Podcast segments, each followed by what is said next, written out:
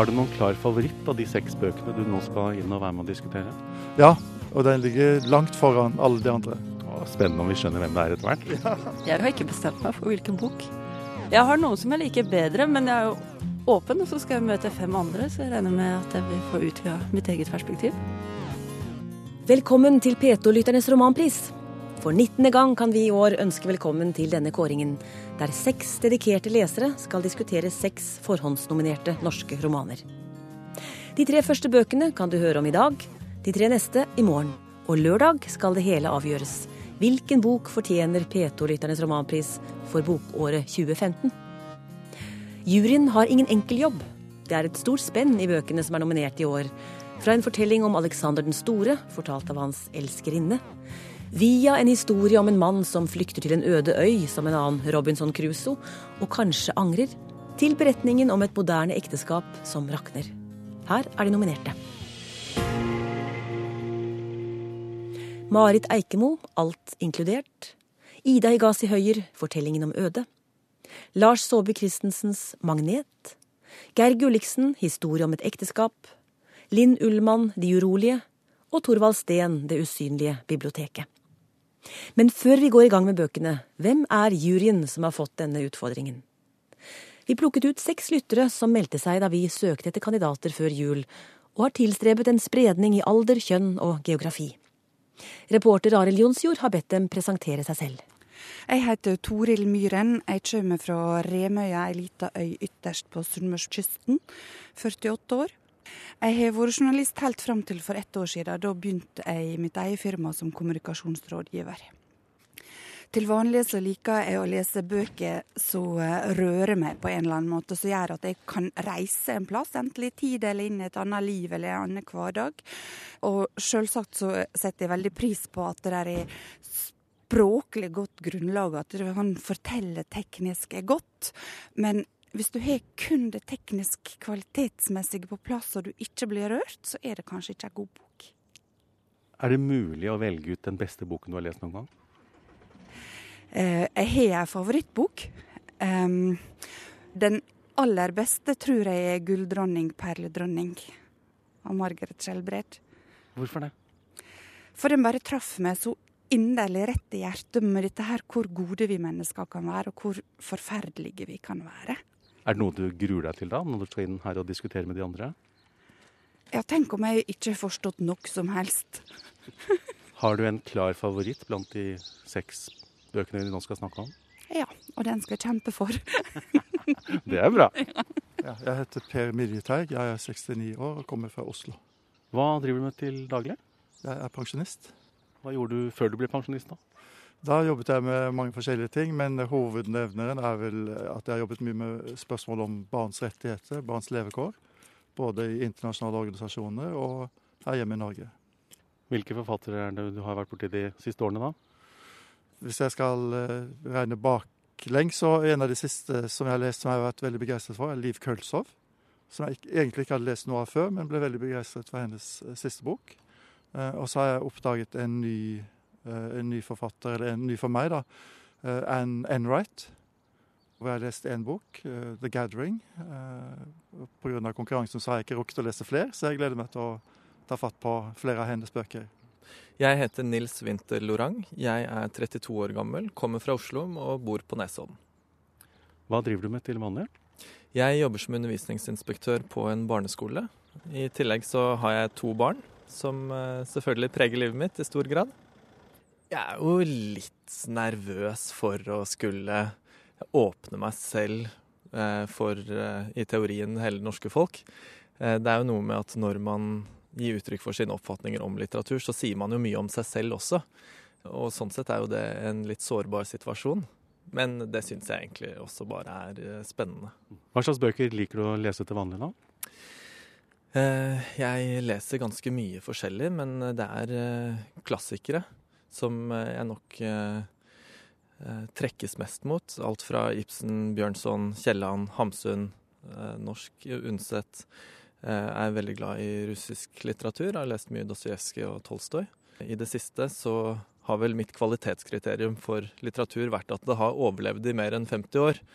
Og sånn sett så må jeg prioritere tidsmessig. og leser da kun bøker jeg får anbefalt, eller som jeg vet virkelig har god kvalitet. Jeg heter Aina Marie Svendsen, bor i Oslo. Kommer fra Telemark. Litt vest, litt øst. Litt øst, litt vest. Ja. Jeg er oppvokst i Vinje i Telemark, og så har jeg familie i Grenland. Men Vinje-dialekten var ikke fremtredende, syns jeg. Nei, du er ikke den første som spør om det. Men hvis jeg vil, så kan jeg grø mye mer kav. Men jeg har alltid snakka mer bokmål. Og hva driver du med til vanlig? Jeg jobber som ekstravakt ved en ungdomspsykiatrisk akuttenhet. Og det er eh, kjempefint. Så jeg er utdanna teolog. Hva liker du å lese, da? Bøker. Hva slags bøker? Det er vanskelig å svare med, med det på med liksom én setning, men eh, noe som berører meg, tror jeg. Og som eh, skaper en form for gjenkjennelse. Det er det som, det som blir sittende igjen. Og så er jeg glad i å lese både romaner og poesi. Og billedbøker har jeg en sånn liten Kanskje ikke hemmelig, men det er jeg jo veldig fascinert av. Hei, jeg heter Terje Nikaraya. Jeg er 31 år gammel og kommer fra Moi i Rogaland. Hva gjør du til vanlig? Du, jeg jobber som legesekretær på Ullevål sykehus på nevrohabiliteringa. Hva liker du å lese til vanlig? Hvis det er en god bok, så leser jeg det meste. Men i det siste så har jeg begynt å liksom interessere meg litt mer for sci-fi og litt sånn type litteratur. En bok som jeg har lest i det siste som på en måte har virkelig imponert meg, det er vel eh, Rimbreids 'Solaris korrigert'. For det var noe med språkbruken hvor han liksom på en måte blanda både norrønt og stavangersk og engelsk. Så når du leser det, så lager du jo et nytt språk i hodet. Det var akkurat som hjernecellene bare vokste mens jeg leste boka. Så det var en veldig sånn, fin opplevelse. og I tillegg så hadde jeg lest 'Solaris' før jeg leste den boka, og han hadde liksom fletta det fint sammen. Så det var liksom, du fikk både denne store fortellinga om verden og språket. Ja, det var mye veldig fint med den, da. Har du en klar favoritt blant de seks bøkene vi nå skal snakke om? Ja, jeg har nok det.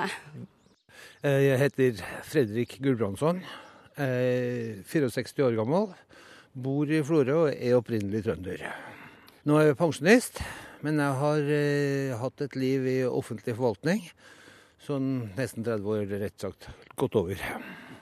Hva liker du å lese til vanlig, da? Det er veldig mye forskjellig. Til daglig, eller rett sagt oftest, krim som ikke er så tung at det går an å ta med seg på, på køya eller på sofaen. Men eh, jeg leser veldig mye annet også. Er det mulig å si hvilken bok som er den beste du har lest noen gang?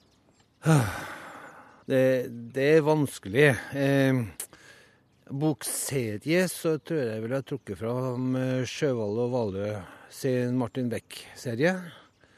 Jeg husker også godt eh, Jack London sine villmarksromaner, for å ta en annen sjanger. Jeg har lest mye Henning Mankell, særlig de som ikke handler om eh, Wallander. Arnulf Øverland tar jeg stadig vekk fram. Men ellers er det fryktelig mye som er godt, da. Har du en klar favoritt du vil skal vinne av de seks bøkene? Jeg har én klar favoritt. Jeg har ikke tenkt å si det. Da skulle juryen være vel presentert. Vi går til verket. Programleder i Studio 15 er Marta Norheim. Ja, velkommen i studio, kjære lytterjury. De nikker, men de er helt stille. Senere så skal de få si ganske mye. Eh, eh, vi skal snakke om eh, tre romaner i dag. Det er 'Magnet' av Lars Saabye Christensen. Det er 'Fortellingen om ødet' av Ida Hegasi Høyer. Og det er 'Alt inkludert' av Marit Eikemo. Og vi starter da med 'Alt inkludert' av Marit Eikemo. Agnes og hennes lille datter kommer reisende til en ukjent by. De har ikke mye bagasje, og hvor de kommer fra, får vi ikke vite noe om. Men møbler må de ha, og gjennom nettjenesten finn.no kommer Agnes i kontakt med folk som gjerne har mer de vil dele enn bare møbler. Han sto med nøkkelen i handa, klar til å stikke den inn i låsen, men han gjorde det ikke. Han snudde seg til oss. Det var noe jeg skulle ha sagt, men han kom ikke på det. Og vi kunne heller ikke hjelpe han med det, Vi sto der og så i hver vår retning. Når kjem flyttelasset ditt? sa han. Jeg har ikke noe flyttelass, jeg eh, har bare dette, sa jeg og pekte mot de to koffertene. Bare det? Han så granskende på meg. Det er veldig uvanlig at folk ikke har noe, sa han. De fleste har noen møbler med affeksjonsverdi, om ikke annet, som de gjerne vil ha med seg. Nei, jeg eh, har ikke noe slikt, sa jeg. Da har vi et problem, sa han.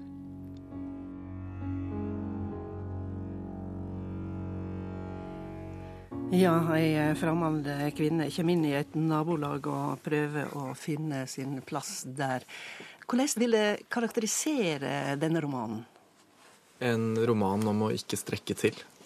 Jeg syns det var en ganske fornøyelig bok med mye skråblikk på vår tid. Det er pinlig for det norske samfunn. Jeg likte den der absurditeten av å ikke ha noe og reise til ikke noe. Spørsmålet om hvordan vi mennesker henger sammen. Jeg syns det var en tankevekkende bok som stilte åpne spørsmål som satt litt igjen i hodet etter å ha lest den. Pinlig. Hva er det som er pinlig? Ehm, Jeg tenker at det er utforsking til dette her med at vi har alt, men det er også alt vi har. At det er et samfunn som tenker mer på det vi skal ha, enn det vi burde ha, kanskje. Så du ser på det mer som en samfunnskritikk enn en sånn utforsking av uh, hun som kommer uten noen ting? Nei, den er begge deler. Eh, denne der varianten med bare komme reisende, altså det er en absurd opplevelse sånn som vi lever i dag. Mens du leser og tenker på hva skjer. Og det Én ting er nå hvordan å skaffe seg ting, og hvordan den begynner også å være i lag med naboer og sånt. Og som tenkte jeg på én måte er dette her veldig mye dagligdags, men det er satt i en ramme som er ganske absurd. Og så lurer jeg jo på, på slutten hva skjer nå? Jeg føler at både slutten og begynnelsen får meg til å spørre hva skjer nå, og hva skjedde før. Så det er på en måte et sånt tidsrom. Så jeg ikke føler jeg blir så kjent med hvem hun er, Agnes. Men mer at hun, hun er i relasjon til alle disse forskjellige, både som hun treffer på Finn og i nabolaget og på kirkegården, eller hvor det er. Ja, for hennes sosiale rom, hva er det egentlig? Ja, Hennes sosiale rom blir jo internett, altså Finn-universet som hun går inn i. Og alle de menneskene hun treffer der, og de menneskene hun treffer i nabolaget, som hun forholder seg til på en litt sånn klossete, hjelpeløs måte, men som samtidig viser hvor opphengte vi er i internett og kjøpepress. Jeg er litt opptatt av liksom, hva tenker du om denne Agnes? Uh, hun er jo, som uh, Einar Marie Svendsen sier, ei kvinne uten fortid. Hun bare dukker opp der. Hva slags type er det? Jeg opplever henne litt som en person som reflekterer seg på andre. Hun er liksom litt sånn vanskelig å gripe fatt i. Og hun fremstiller mye på en måte hvor det virker som det er f.eks. disse mennene som er opptatt av henne og sånt, men det er jo hun som òg jager de. Hun er det tomrommet i oss, og så ser vi hun gjennom oss sjøl, da. Hun forsøker jo å flykte fra virkeligheten. Ja vel? Ja, én ting er at hun har tydeligvis flyktet fra et eller annet sted når hun kommer i romanens begynnelse. Det gjør hun jo også til slutt. Men det er noe med hennes forhold til menneskene rundt henne som er veldig utfordrende for henne. Hun forstår ikke helt de forventningene og de kravene som samfunnet anno 2015 stiller til henne, og hun klarer ikke å eh, tilpasse seg dem heller. Derfor ønsker hun jo Hun beskriver de beste timene i døgnet som de timene hvor hun sitter i senga til sin sovende datter og spiller Nintendo DS eller Candy Crush. Eller noe sånt. En helt meningsløs, kravløs eh, tilværelse som hun lengter seg tilbake til.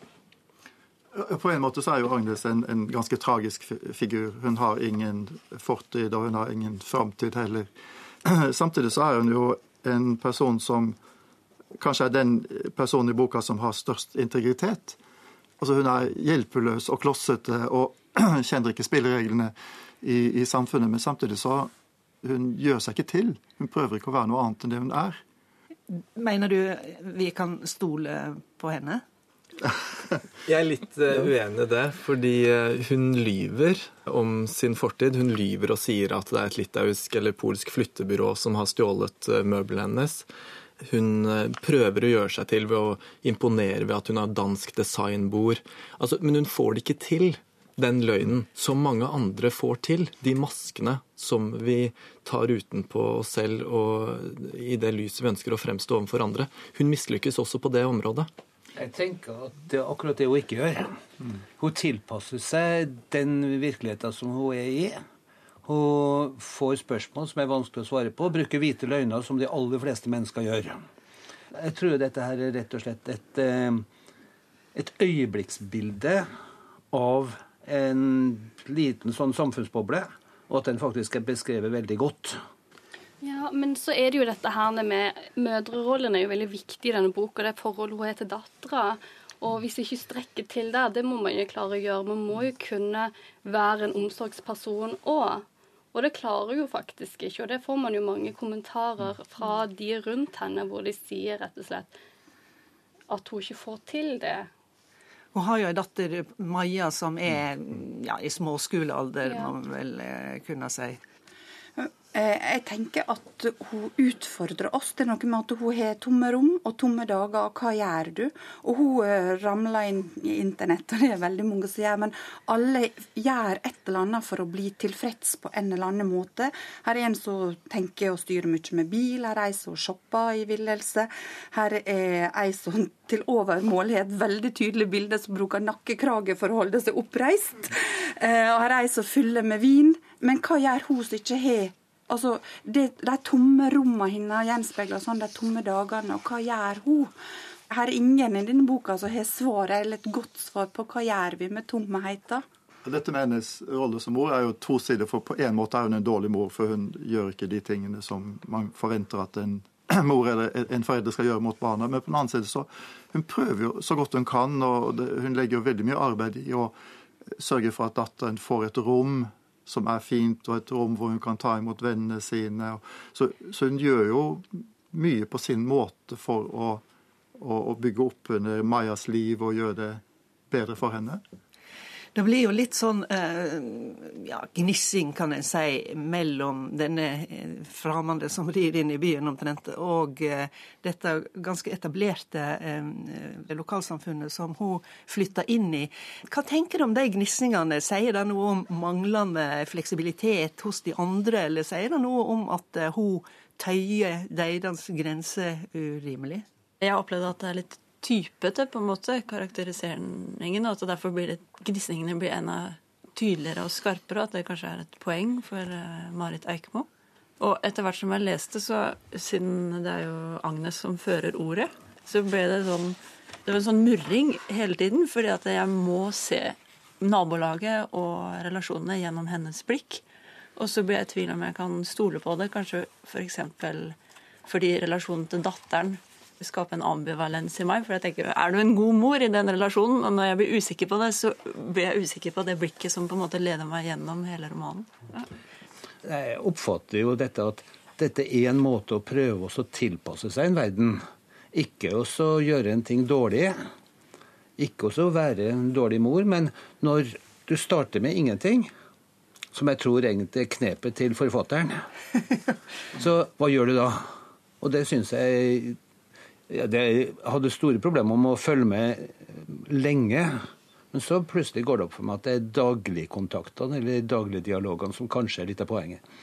Hun gjør et veldig smart grep, Marit Eikemo, fordi jeg-personen er en åpen, fordomsfri, tilsynelatende person. Litt sånn utenomjordisk, plassert inn i 2015. Og hun beskriver jo en verden der, i hvert fall i min opplevelse, alle mislykkes på sine områder. Det er den tilsynelatende perfekte firebarnsmoren som viser seg å være alkoholisert. Det er mammabloggeren som har mista ansvaret for barnet sitt. Det er den desillusjonerte politimannen, medisinstudentene som røyker marihuana, jusstudentene som har mistet troen på rettsvesenet. Eh, og vise hvordan egentlig alle disse karakterene De forsøker, de prøver å få det til, men så mislykkes de. Er det noe handling å snakke om her i denne boka? Ja, det er jo handlingen det er jo hvordan Agnes prøver å tilpasse seg det nye livet på det nye stedet hvor hun skal skape en tilværelse og, og rundt seg selv og, og datteren. Mye handler jo også om livet i, på internettet, da. Og det står et sted i boka at internett er et deilig sted å være. Men samtidig er det et tidsbilde, en sommer.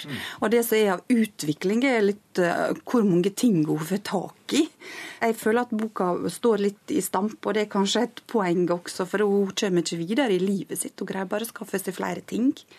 Er det for tydelig, dette her? Eh, nå var det noen som oppsummerte det veldig godt med at alle var liksom mislykka på sine prosjekt. Er dette ei bok som tegner med veldig store, eh, tjukke streker, eller, eller er dette eh, rett og slett å sette noen spørsmål på spissen? Jeg tror det vil være veldig interessant å lese denne boken om 100 år. Fordi det er en parodisk fremstilling av stereotypiske mennesker anno 2015 det bildet tegner hun veldig godt. Men det er jo en kjærlighetshistorie også her, på et vis, mellom Agnes og Rune, er det vel. Og hennes ønske om å finne en slags trygg havn i han. Han viser seg å være fullstendig upålitelig. Men det er også en del av Agnes sin flukt. Det var bl.a. et lite utdrag, hvis jeg kunne sitert fra det. De drar på badetur, og Maja, datteren til Agnes, sitter på stranda og leker i sanda. Hun kan ikke svømme. Agnes og Rune svømmer rundt et nes og eh, kan ikke se Maja heller. Og da beskriver hun et vakkert øyeblikk, Agnes, i relasjonen med Rune. Hun spør han. Hva tror du om oss, sa jeg. Dette er oss, kvisker han. Dette er alt som er. Og det ønsket hennes om å gå inn i en sånn tidløs, altoppslukende kjærlighet, som hun plutselig rykkes ut av. Fordi det viser seg at når de svømmer tilbake igjen, så står det en blotte på stranda. Og egentlig er dette hennes flukt fra ansvaret for Maja også. Altså jeg, er ikke enig i at det er en parodi på 2015, for jeg syns ikke den overdriver så mye. Jeg tror hun kunne vært mye mye grovere og gått mye lenger hvis hun skulle parodiere. Eh, det som også er interessant, er jo om Agnes rolle Altså, jeg leser veldig mye som at hun virker ganske provoserende på sine omgivelser. For hun er ikke som, som de andre. Hun, hun griller ikke, hun, hun, eh, vet ikke hvordan hun skal gjøre det når hun skal på badetur. og alle disse tingene. Og, og det er jo da det rakner også for henne når de andre skjønner hvem hun er. Så tar de jo fullstendig avstand fra henne. Eh, hva med språket her? Altså, Marit Eikemo har jo, eh, som du Toril, en bakgrunn som eh, journalist. Merker det det i språket på noen måte, eller hvordan vil det karakterisere språket? Lett tilgjengelig, jeg sier, Eller det flyter gjennom boka i dialogen som er hverdagslig. Ja. Det er effektivt. Mm. Jeg ble litt opptatt av hun Eva, forfatteren, som bor liksom øverst i huset med oversikt. Både fordi hun er forfatter, så jeg følte hva er dette for slags figur? Og hun heter Eva, som jo er på en måte livet også. Og at det er der Agnes For de får en slags fortrolighet. Mm, mm. Og det spørsmålet som dukker opp to ganger, som i hvert fall jeg hang meg, eller la merke til, det er det hvordan henger vi mennesker sammen? Og så opplever jeg at når, For Agnes kommer jo med ingenting. Og så begynner hun med denne byttehandelen, både hva gjelder ting, og også at det med bytte om det er tjenester eller begjær eller eh, ting og tang, det vekker skyldspørsmålet. på en måte. Hva er det de vil meg? Hva er det jeg vil dem? Og så svarer hun, hun Eva, forfatterinnen, svarer da når de har en samtale om hva skal vi med hverandre, så svarer hun kan det ikke bare være da? Skal alt ha et formål? Hvordan henger vi mennesker sammen? Hva skal vi med hverandre, og hva er en heim, og hva kan vi bruke finn.no til i 2015 og også nå framover? Det er spørsmål som dukker opp her. Jeg tror vi legger den boka til side eh, nå. Kanskje den kommer tilbake igjen i finalen. Hvem veit, hvem veit. Bok nummer to i dag, det er 'Fortellingen om øde' av eh, Ida Hegazi Høyer. Tannlegen Carlo forlater den materielle verden til fordel for livet på en øde øy i Stillehavet. Men det skal vise seg at livet i naturen blir langt fra så fredelig som han hadde trodd. Flere eventyrlystne kommer til øya, der et miniatyrsamfunn med utspekulerte intriger utvikler seg. Det er uvisst hvordan doktor Carlo Ritter fikk vite om øya. Kanskje hadde han båret et slags tilfluktssted med seg helt siden han var liten? Eller helt siden han skjønte hvor liten han var? Denne ideen om en fullstendig urokkelig avgrensning. Havet, eller på et eller annet vis umuligheten, dette å ikke kunne komme lenger. Uansett, det er uvisst hvorfor han bestemte seg for å dra akkurat hit. Det fantes tross alt flere øyer, øyer som lå nærmere. Det hadde kunnet gå an å gjøre det både enklere, tryggere og raskere, men doktoren var ingen gjennomsnittlig type, han ville lengst mulig unna. Og da han først hadde fått nyss om denne øya, ble det bare slik. Ingenting nærmere ville noensinne kunne være godt nok.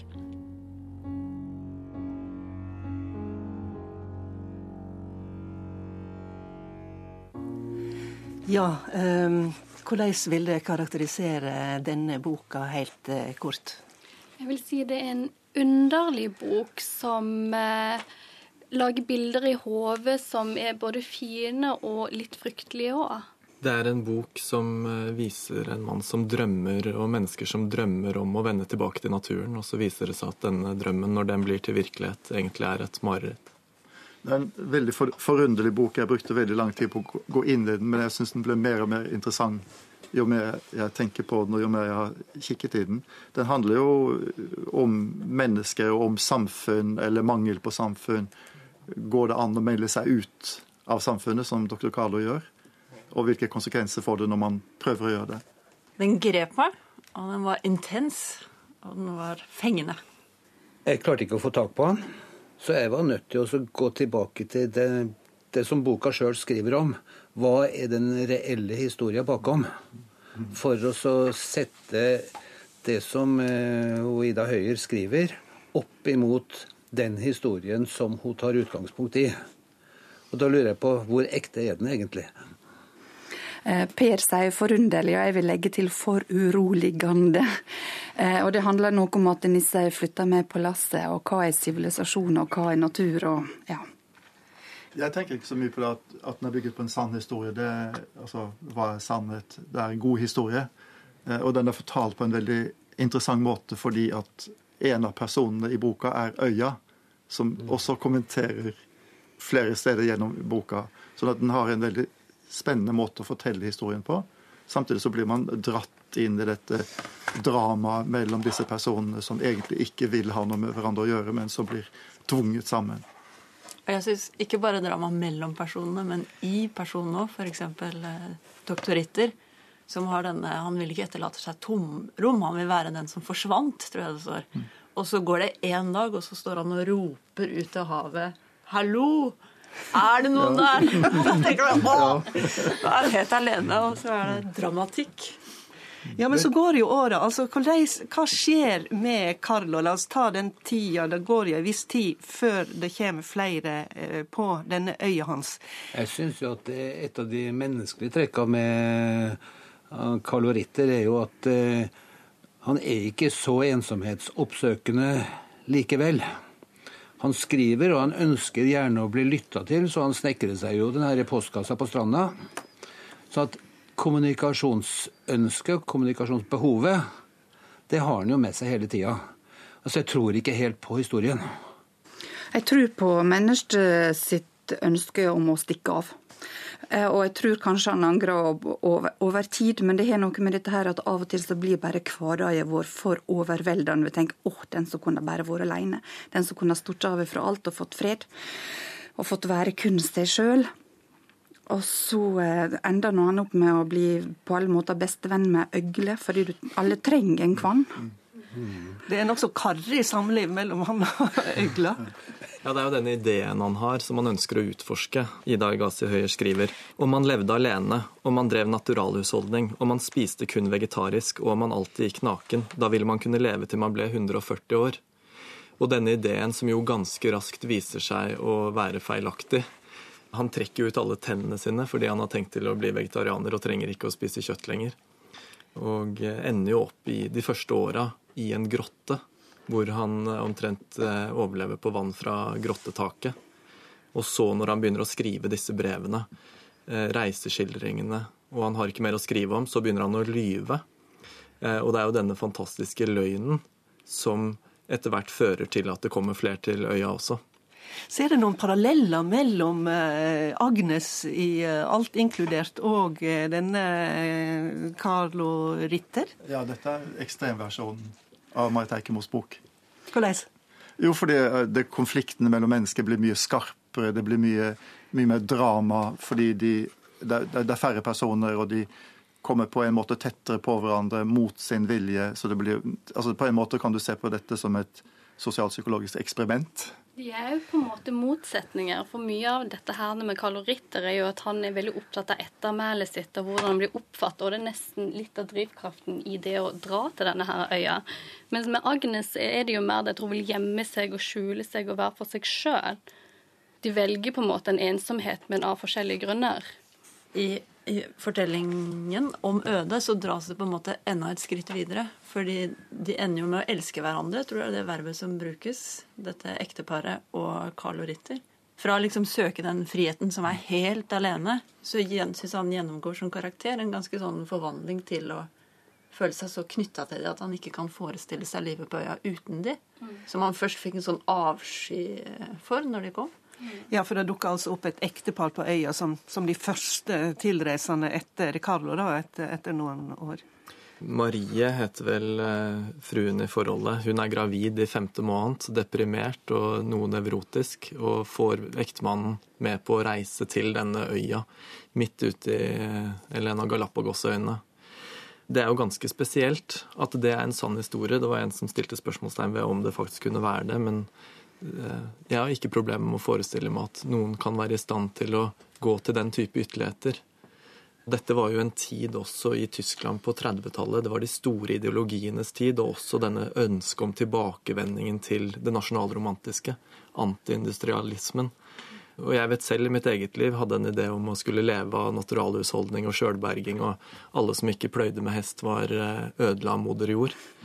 Eh, så jeg tror absolutt på at noen kan gå til den type ytterligheter, i hvert fall. Men jeg, jeg tror du misforsto meg i stad, da. For det, det, er faktisk Ida Høyer sin historie jeg ikke tror helt på. Jeg også gjorde som du også tydeligvis gikk og kikka på hva er forhistorien. Mm. Fant dagboknotatene som er sitert helt i starten av boka. Og så se på, altså Det er jo noen forhistorisk hippieaffære ja. på 29-30-tallet, dette her. Men det som eh, jeg tror da kommer ut av dette her, det er jo det som Ida Høyer egentlig sjøl sier, og som også er likheten med, med alt inklusive. For hun sier på, helt på slutt jo mer man setter seg inn i de ulike beretningene, desto klarere blir det. Det fins ingen sannhet. Og hva leser du ut av det? Det er jo det at Spørsmålet er hva gir lesinga deg sjøl? Fordi du kan legge i det som betyr noe for deg som person, og andre kan finne sitt. Om det var den opprinnelige historien, eller om det er Ida Høyer sin historie som egentlig representerer sannheten, det er ikke viktig i hele tatt. Men Vi snakker om, om disse menneskene som stikker av for å leve i sitt eget samfunn eller være alene. Men eh, er det noen andre som har sett på dette her opp mot dette med klimaspørsmål og sånne ting? Eh, en plass så står det fram at de holder fram leiken med den havet stik. Mm. Jeg har tenkt at øya på en måte representerer verden, og disse menneskene er liksom forskjellige aspekter av menneskeheten. Og øgla det er nesten mørket som mennesket trekkes mot når de er på sitt laveste. Så hun har liksom klart å bygge inn flere lag da, som er veldig interessante i boka. Jeg får veldig følelsen at hun fortalte en mye større historie i underteksten, som handler om oss som mennesker han her, Carlo Ritter og det ekteparet, de begynner jo med en gård, og så begynner de å slakte dyr og sånt. Og de slakter jo veldig mye mer dyr enn det de faktisk trenger, så det ligger sånn likhaug og sånt. Og det viser jo litt av det vi sjøl ser i samfunnet i dag, at vi ødsler, rett og slett. Og når hun lar naturen eller øya komme til orde, så kritiserer jo også øya dem for det. For deres barnslighet, for deres måte å behandle naturen på. Eh, og etter hvert så kommer de også til en konklusjon. Jeg tror det er Marie som skjønner at det er ikke havet som stiger, men det er øya som synker ned i havet. Og, og kanskje er det litt det som også skjer hos oss. Det er ikke til slutt så vil ikke jorda ha oss mer, på en måte, bare rister oss av oss fordi vi behandler den altfor dårlig. Og jeg føler jo det er det som skjer med det vulkanbruddet på slutten. Mm. At, for å sitere her, det er Øyas som sier da Det var her mens menneskene mesket seg i smålighet og foldet sine hender til hverandres, at skrallet gikk over i et løftende brøl, som om hun sa 'se'. Og så er det på en måte Så bryter jo lavaen løs. Naturen slår grusomt tilbake. Ja, eller eh, kanskje ikke naturen er menneskelig. Så det å kalle det grusomt er jo da fra ditt perspektiv, Ja, ja. holdt jeg på å si. Men at hun er litt sånn likegyldig, eller Den Jeg relasjonen, på- sånn som øglen på slutten når han Carl Loritti ser på meg, og så ser den bort, så er det noe med relasjonen menneske og natur som settes under lupen. Men det er jo da at denne øya eh, har ei stemme. Altså, hva, syns, hva tenker du om det? Da blir jo naturen litt menneskelig når eh, øya heter hund. Jeg syns det var noe av det som gjorde boka veldig interessant. Nettopp at øya var en karakter, en person, så å si. Ja, og så handler det om naturen i oss mennesker. For det at det er en eller annen plass som står og de vil oppsøke fravær av skam. Og at vi på en underfundig måte kan ha nytte av skam som menneske for å fungere. Kan hende du som er psykolog er dypt uenig, det vet jeg ikke. Men det er et eller annet i alle fall med dette med sivilisasjon. Og det var litt forunderlig, for rett før jeg leste den her, så hadde en av ungene mine eh, særoppgave på videregående og las 'Fluenes herre'. Igjen hva som skjer med oss mennesker når vi blir isolerte og har fravær av skam, og lar naturen overgå opptuktelsen. Ja, for eh, den eh, boka handler jo om et flykrasj der det er en del små barn som blir eh, latt alene på ei øy. Særs dresserte kostholdsskolegutter. Ja, Mm. ja, men som blir Villdyr, kanskje? I 'Fluenes herre' så deler det seg jo i to grupperinger. Eh, og der er det jo på en måte de såkalt onde som eh, dreper etter hvert de svake, de gode, som ikke ønsker å gå med på de premissene. Her er det jo litt omvendt. Vi har ikke nevnt den baronessen som kommer til øya og erklærer seg selv for jeg tror det er baronesseherskerinna Floriana som er denne øya. Det er en konflikt, og konflikten er jo særlig mellom Carlo på den ene siden, som er på en måte den mest puritanske, og baronessen, som representerer mye av det han forakter. Altså løssluppenhet, uansvarlighet, frivolitet. Og den konflikten får jo en, en litt dramatisk konklusjon, da. Uten at det står helt tydelig i boka hva den konklusjonen er. Jeg tror ikke jeg er enig i at han forakter det baronessen representerer. For jeg syns Ida Hegazi også gjør det tydelig at han faktisk er, kommer i kontakt med en sjalusi. Fordi hun Jo, er representerer det ja. mm. skamløse, hvor hun bare danser rundt på Kan- stranden naken. Så tenker han søren, det var det jeg skulle gjort sjøl. Kanskje han forakter det hun framkaller i henne sjøl. Hva da, tenker du? Ja, at uh, han gjenkjenner at han også har lyst til å leve sånn. Og det, det vil ikke han. Og da forakter han den lysta som hun vekker i han til å leve slik. Hvis vi går til språket her, det er jo ganske annerledes enn eh, språket hos eh, Marit Eikemo. Det er nesten sånn messende noen ganger, følte jeg. Og det, hun brukte mye eller og kanskje og men og og. Ja, jeg likte det veldig godt, kan jeg si. Men når jeg begynte å lese, så var i starten så fikk jeg nesten ikke med meg handlinga, for jeg bare så språket. Med disse gjentagelsene og bokstavrimer. Og, og jeg følte at en del av det mest tragiske eller triste og skumle tinga ble nesten sånn vakkert og opphøyd, for hun skrev sånn som hun gjorde. Men etter hvert så begynte jeg å tenke, skal tro om det kanskje er nok? At det ble litt masete til slutt. Jeg, jeg, jeg hadde en sånn første forelskelse med språket. Jeg drev og De som var i nærheten der, leste den, sa 'nå må du høre her'. og så etter hvert kanskje noe av den første forelskelsen, da, hvis jeg skal si det ordet, forsvant litt etter hvert. Men eh, jeg, jeg var betatt gjennom hele boka. Det skaper jo en distanse til stoffet på en måte. Men det som er interessant, er jo at de seksjonene hvor hun skrev om øya, så er det akkurat som jeg kommer nærmere på boka og på henne. Men to bøker om eh, folk som ikke har det så enkelt i eh, kulturen, verken på 20-30-tallet eller i eh, vår tid. Den tredje boka vi skal snakke om nå, er 'Magnet' av Lars Saabye Christensen. Og før vi går inn på den, så skal jeg stille spørsmålet jeg lovte å stille. Pause. Pause. Ja. En aldri så liten pustepause trengs. Reporter Arild Jonsjord ser sitt snitt til å gripe fatt i et par av jurymedlemmene. Ja, Ina Marie, hvordan har dette gått, syns du? Ja, dette var over all forventning. Ja, det På hvilken måte da? Nei, eh, det er engasjerende. Og det er sånn eh, overskudd av engasjement, kjenner jeg. Og blir nysgjerrig på hva de andre har lest. Og får lyst til å fremme mitt eget synspunkt, eller blir undrende i forhold til meg sjøl. Jeg syns det er veldig morsomt eh, å sitte der. Samtidig er det utfordrende, for man har så mye man gjerne skulle ha sagt, og det er så kort tid å få sagt det på. Og den tiden skal brukes godt. Dagens tredje og siste bok er 'Magnet' av Lars Saabye Christensen. Som ung litteraturstudent møter Jokum Jokumsen Synne Sager i Oslo på 1970-tallet. Sammen reiser de til USA, der han gjør karriere som fotograf, mye takket være hennes innsats som kurator. Sagaen om Synne og Jokum skrives frem av en fiktiv forteller, som også byr på historien om sitt eget liv i møte med kunsten. Jokum var som vanlig den siste på lesesalen. Han studerte litteraturvitenskap, grunnfag. Han trodde han skulle bli forfatter. Det ble han ikke. Han ble fotograf. Dette var i april 1976. Det var til og med en fredag. Han måtte gjøre ferdig kollokvieoppgaven om Frans Kafkas Prosessen. Men det måtte jo de andre i gruppen også, og de var ferdige med den for lengst. Var Jokum latere eller flittigere enn dem? Umulig å si foreløpig. Han tenkte, jeg sitter igjen, jeg sitter igjen, igjen. Han hadde allerede skrevet åtte A4-sider, linjerte, og syntes ikke det var blitt til noe, til noe han kunne være bekjent av. Han syntes i det hele tatt lite ble til noe.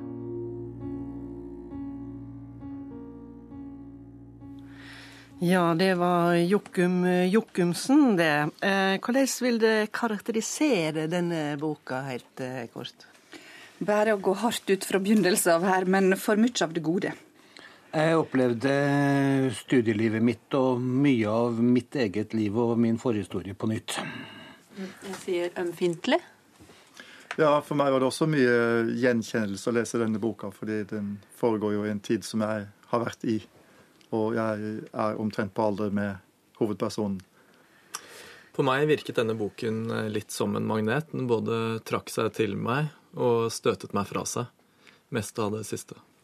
Jeg opplevde han ganske rotete og nesten litt sånn uredigert. Det ble for mye av det gode?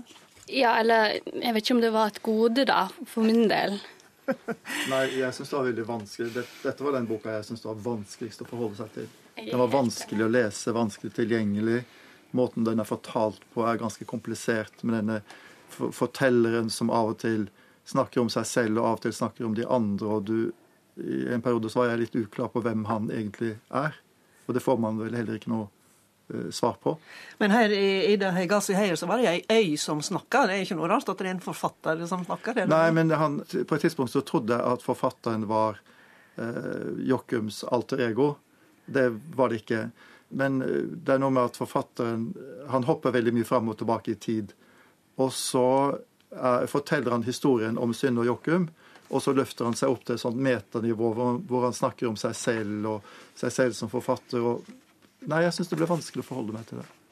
Dette er jo en historie som begynner på Sogn studentby, jeg tror sånn på tidlig 70-tallet kanskje. 76. Og som, 76, ja, akkurat her er vi presise.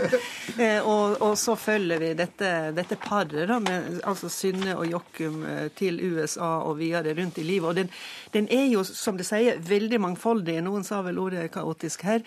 Men man nesten eh, gjør et valg. Altså, hva er det det tenker er det mest sentrale i denne romanen? Vi kan liksom ikke gafle over det hele her. Jeg har lyst til å si at det, det, er vanskelig å få tak i det sentrale i denne romanen, men jeg syns det er tre gode romaner, og så syns jeg det er spennende mellomspill. Det, ved å lese den sånn, så syns jeg dette her er en av de fantastiske bøkene jeg har lest. Da blir jeg veldig interessert i hva er de tre romanene ja. Den første er 'Tida på studentbyen'. Jeg var fascinert av eh, beskrivelsen av eh, lesesalstilstedeværelse. Rett nok studerte jeg sjøl på et annet fakultet enn det Jokum Og de gjorde, Jeg var på samfunnsvitenskapelig. Men Men, jeg samme- ja. kjenner igjen stemning, atmosfære, når eh, de er inne på spørsmålet om husleiestreik. Jeg gikk og lette i egne papirer og fant løpesedler fra Progressiv front. Eh, Jeg har stått på Studenttinget i Oslo og diskutert om dette er- er- skulle gjøres slik eller slik. Jeg kjenner igjen diskusjonen, for så vidt litt i dag også. Hva type musikk kan du leve med, eller kan du ikke leve med? For meg så var akkurat den første delen en vekker i meg sjøl. Den andre delen det oppfatter jeg som denne måten å etablere seg i eh, USA. Dette som går på å bli vellykka, karrierejage. Og den siste, den skulle jo egentlig tro var eh, at boka var slutt. Den siste romanen heter jo 'Epilog'. Som altså for så vidt er en helt annen sjanger enn de to første. Men i seg sjøl så tankevekkende at eh, jeg har jo tenkt å lese alle de tre romanene på nytt. Hvis, skal, hvis jeg skal koke det helt ned til å si bare én ting som boka handler om, så kan jeg vel si at den handler om å se og bli sett. For Jokum er en person som hele tiden strever med å bli sett, og han, han blir sett på en måte han kanskje ikke liker. Han stikker seg ut, han har et utenforskap, han vet ikke om han skal inn eller ikke. Og så er det hans karriere eller hans løp som fotograf, hvor han ser og finne ting, og hvordan han formidler det han ser. Jeg tenker på både det du sa, Fredrik, og det du nå sa, Per, i forhold til det med å se og bli sett. For det er helt i den prologen som er før vi kommer til Sogn studentby, så sier det er vel Amper, da, kanskje. Altså, Altså forfatteren. ja, fortelleren, på en måte. Romanens grunntone, sier han, det handler til syvende og sist til syvende og sist om å få tiden til å gå, og så eh, tre sider etterpå. For å vise at tiden har gått, må man ha minst to bilder. Og så trekker du fram, Fredrik, tre romaner som på en måte blir som tre bilder, og så handler det om tid, da, kanskje. Jeg eh, kjenner at det ble veldig letta nå når jeg gikk denne runden rundt bordet, for at dette var den boka jeg har grutt meg til å snakke om. Eh, hun er bejublet, eventuelt hypa. Og jeg leste den og kjente ikke meg igjen i det. Og tenkte OK, da er det bare jeg som er dum. Dette har jeg ikke forstått, denne boka. Nei, det gikk over mitt hode, tenkte jeg. Nå har det heldigvis gått over, eller noen andre sitt hode også. Altså her er definitivt um, ulempe ved denne boka. Samtidig så er det den eneste boka som jeg har låst nå, der jeg har tatt bilde av en setning og lagt ut på Face fordi at det er så godt sagt som det er. Og her er sånne mengder med gode sitat og med klokhet og med morsomheter og disse her skråblikkene som setter nagler fast sannheter i både i tida den viser og i samfunnet. Men samtidig så blir det en helhet som jeg ikke greier å forholde meg til. Altså, jeg ble litt sliten av dette språket, her, at han hele tiden kommer med sånne ordspill og leker. Det virker litt maniert. altså. Ja, for mye. Om jeg ikke har ord i min makt, har jeg en av mine ord i behold. er en ting. Altså, noen gang, Første gangen man ser det, så kan man det ikke gjenkjenne. Men det blir liksom så mye av det etter hvert, så man blir litt trøtt av den der flinkheten, på en måte. Jeg er veldig enig, enig Fredrik. Den første delen av romanen, dersom man deler den inn i tre, er glitrende. Da jeg sa til venner og kjente at dette er en fantastisk roman. Men så, etter hvert, så syns jeg det faller veldig, og det roter seg til. I forhold til det du sier, Aina Marie, om at en roman handler til syvende sist om å få tiden til å gå. Dersom det også er Lars Saabye Christensen sine ord, så er i hvert fall jeg sterkt uenig. Fordi da kunne jeg like gjerne sett på TV. Jeg leser ikke en roman fordi jeg skal få tiden til å gå, Ja, men men da er det det vil rett roman hvis du skal få tida til å gå. Unnskyld, hva sa du? Da er det rett roman hvis du bare skal få tida til å Helt gå. klart, definitivt, for det tar tid. Dette er jo en koloss på 800 sider.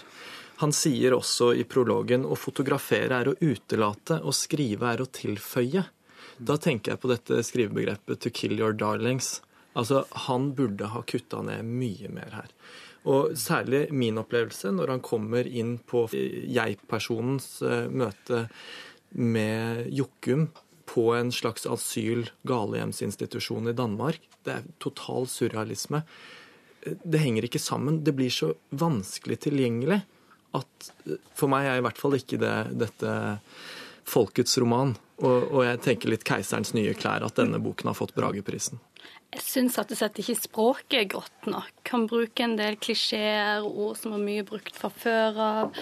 Og så eh, hopper han inn i tankene sine uten å skrive Det er nesten som han skriver etter en innfallsmetode uten å tenke seg om og gå tilbake og se Var dette her virkelig det jeg ville si? Altså, jeg skjønner at man kan ha en sånn stil som er blomstrende, men det er akkurat som om han ikke tenker da, så nøye gjennom hva han skriver. Jeg hører at det, det er mange som syns at de kjenner seg igjen i romanen, og sånt, men det holder ikke for min del for at det skal være en god bok. da. Gjenkjennelse er ikke liksom et viktig kriterium for min del. Og du gikk jo heller ikke på Blindern på tidlig 70-tall? Jo da, jeg har gått på Blindern. Jeg har gått på HF og Nei, ikke på 70-tallet. Nei, det var det. jeg var ikke født da. Men jeg er veldig uenig i det at, at uh, gjenkjennelse ikke skal være et godt kriterium for å like en bok. Jeg synes Grunnen til at jeg liker en bok framfor en annen, er jo nettopp Altså, jeg må kjenne igjen noe som, som jeg er opptatt av, eller sånn som jeg føler at jeg er. Hvis jeg ikke har et element av det i en bok, så, så er det ikke så interessant.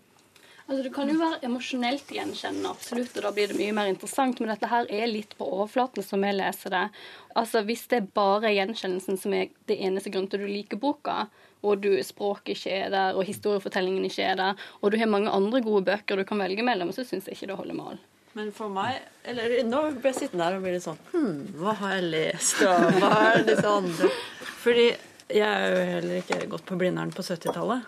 Men det er mye gjenkjennelse på en sånn noe med Nå sier jeg ømfintlighet igjen, som jeg sa i starten. Fordi også det, brukes som Jokkums relasjon til tingene. Fordi han vegrer seg for å bruke ordet kjærlighet, så snakker han om ømhet.